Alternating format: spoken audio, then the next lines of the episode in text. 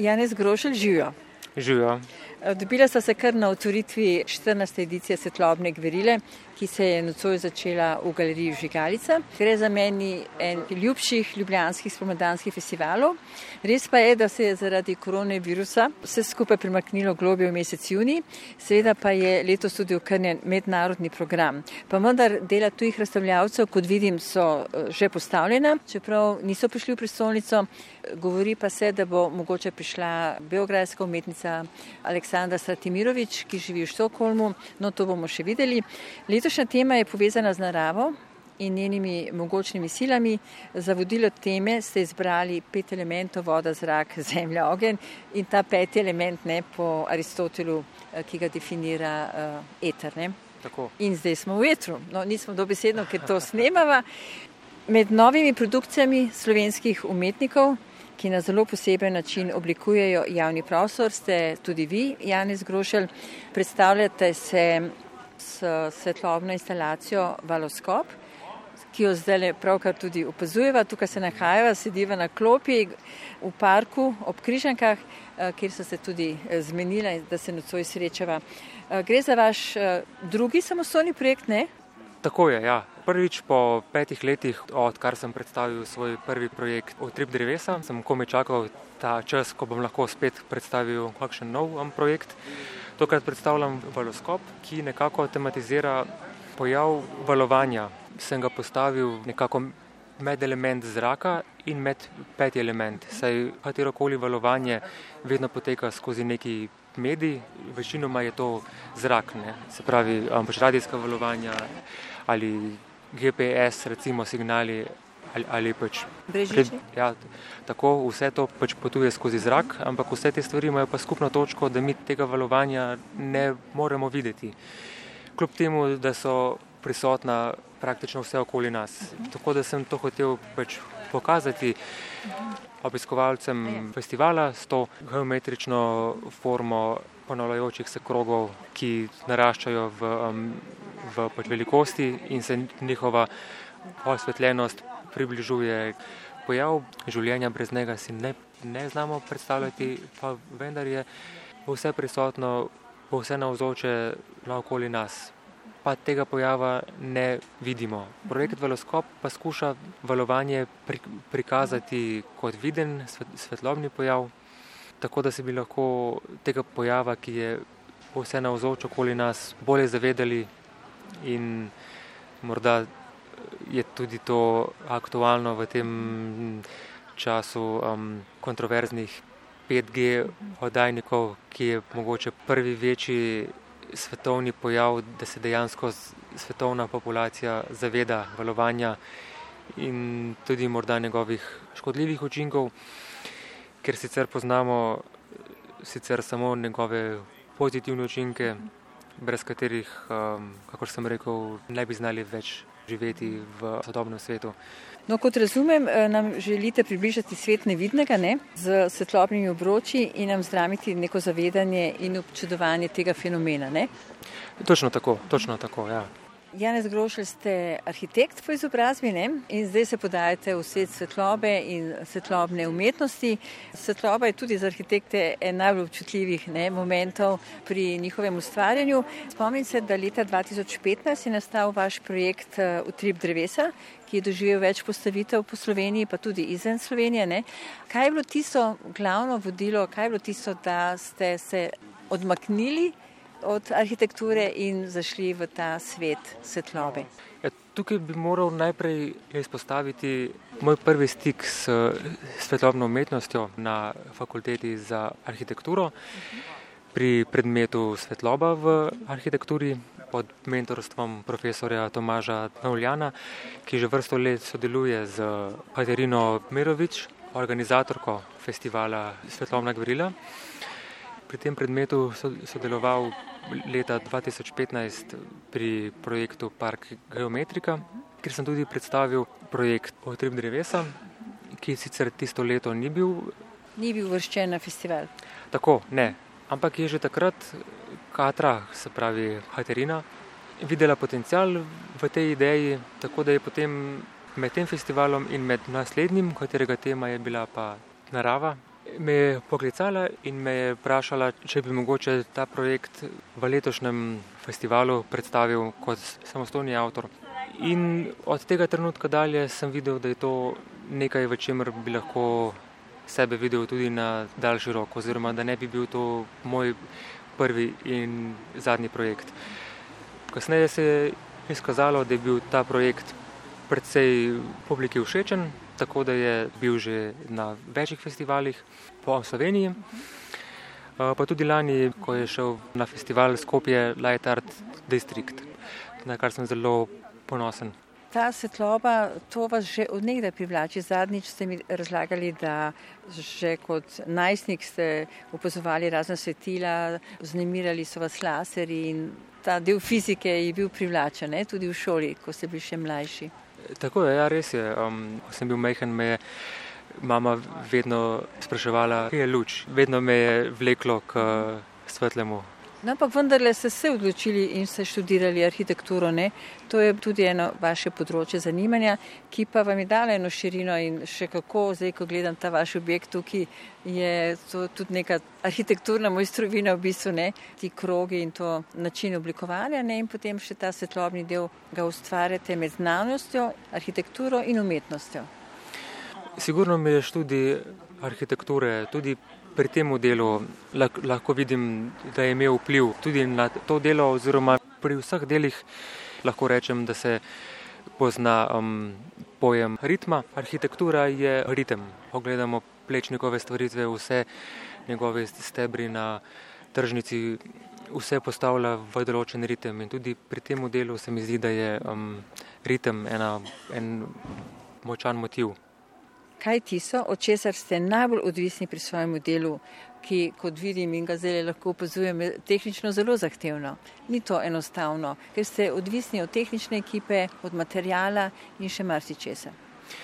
Ja, res je, veliko dela, ki je bilo prisotno pri delanju tega projekta, je izven mojih znanj, ki sem jih pridobil tekom šolanja tudi na fakulteti, ampak je bolj produkt eh, moje tehnične naravnanosti. No, tako rad imam tehniko, rad imam elektroniko in tudi nekako sem verjamem v to, da ni bistveno znati neko stvar, ampak da je bistveno znati najti, kako se naučiti neke stvari, kar se je tudi zelo pokazalo pri tem projektu, saj je za izvedbo bilo potrebno tudi kar nekaj znanj, ki jih pred začetkom projekta nisem imel. Naprimer, mizarsko znanje lesenih obročev, ker sem imel kar nekaj eh, težav sicer s tem, ampak lahko rečem, da sem sedaj osvojil nekaj znanja tudi na tem področju, ki mi bo prišlo prav sigurno tudi pri nadaljnih projektih. No, se glih to sem hotel vprašati, eh, kaj tisto, eh, kaj bo se v nadaljevanju raziskovali, kaj tisto, kar vas najbolj znemirja pri tem svetlobnem polju in tem ustvarjanju, ki ste se ga zdaj lotili v zadnjem času? Moram reči, da najbolj me vznemirjajo neodkrita področja in, in znanja in tehnike, katerih še nisem poizkusil. Ravno točno kakršen primer je točno ta inštalacija Veloskop, kjer, ko sem se začel z njo ukvarjati, še nisem točno vedel, najbolj me je veselil proces. Proces, kako se bom tega lotil, katera znanja, ki jih ali že imam ali še nimam, kakšno urodje. Najbolj me veseli v bistvu proces. Tako da sigurno se ne bi pri novem delu ponovil, ponovil enake tehnike, enakih možnosti kot pri tem. Vse bi to pomenilo, da sem ponavljal proces, ki mi ne bi dal toliko novih znanj, kot če se sedaj lotim nečesa novega.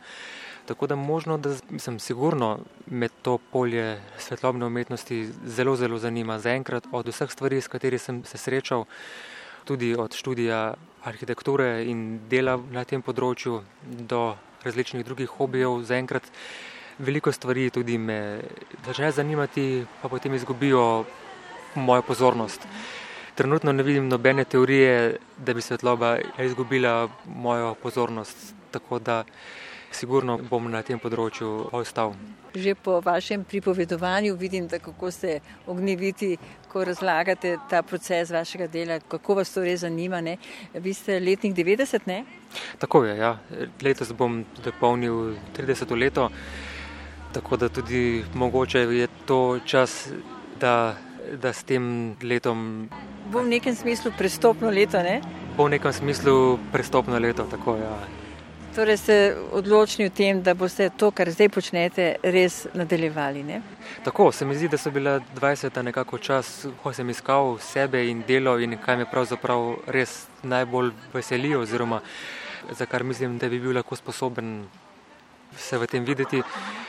S tem, da je ta projekt pa še potrdil to, da je svetloba Vaš medij, ne? Moj medij, ta tako. Pravi, tako. Vaš ta pravi medij. Ste mi na začetku povedali, valoskop, ne? V bistvu, odkje je ta besedica? Ja, to je v bistvu um, skovanka med besedo teleskop in pa valovanjem. Se pravi, je to kot nek... Valovanje um, svetlobe, ne? Tako, se pravi, je to projekt, ki prikazuje, tako kot nam teleskop prikazuje stvari, ki so nam oddaljene, tako nam valoskop prikazuje valovanje, ki nam je tudi sicer oddaljeno. Torej, vse to, ne, valovanje, eh, svetloba, fizika, narava, znanost, to vas izjemno privlači. In brez tega ne morete ustvarjati. Ne. Narava je glavno urodje medij, ne, brez katerega ne bi bilo nobene zamisli, nobene ideje in seveda to oblikovanje svetlobe, ki pa je vidno samo v temi. Ne. Brez dvoma, brez dvoma. Ja, narava je nekako eno od naj, mislim, najbolj zanimivih, najbolj pestrih, najbolj ponuja takšne domislice, ki si jih človek sam sigurno ne more prekosati naravnih domislic.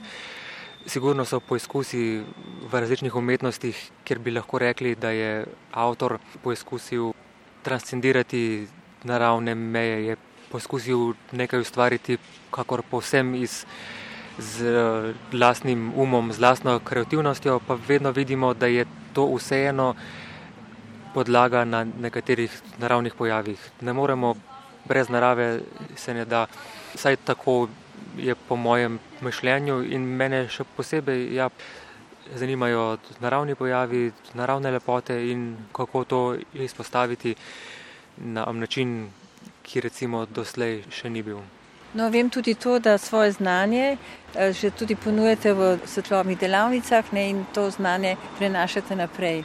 Ja, nekako sproti eh, se mi zdi, da recimo veliko znanj, ki jih imam, jih pridobim v zelo sprotnem času in, jih, in takoj se mi zdi bistveno, da se, da se to takoj deli dalje.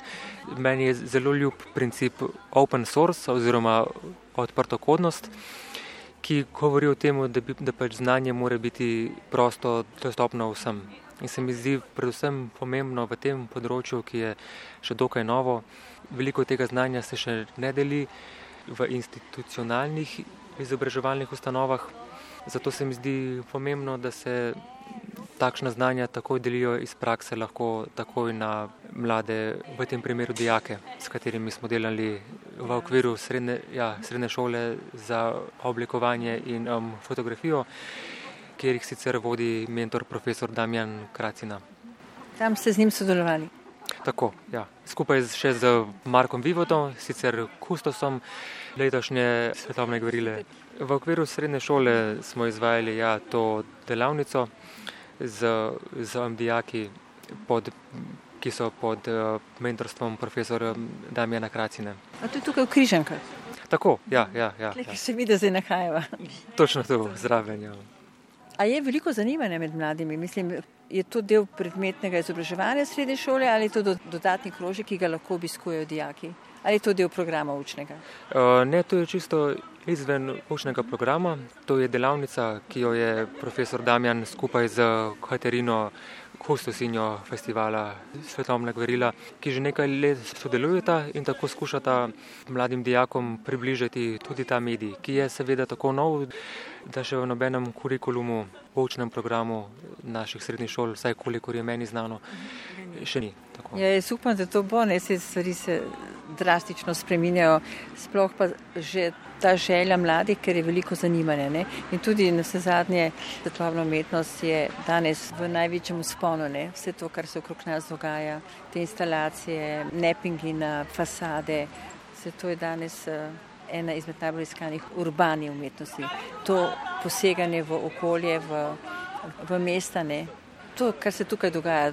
Priča smo nocoj instalacijam v parkih, v krošnjah, ne, na fasadah, v galeriji, pod mostovi, nad mostovi, ne, vse posod. Sigurno.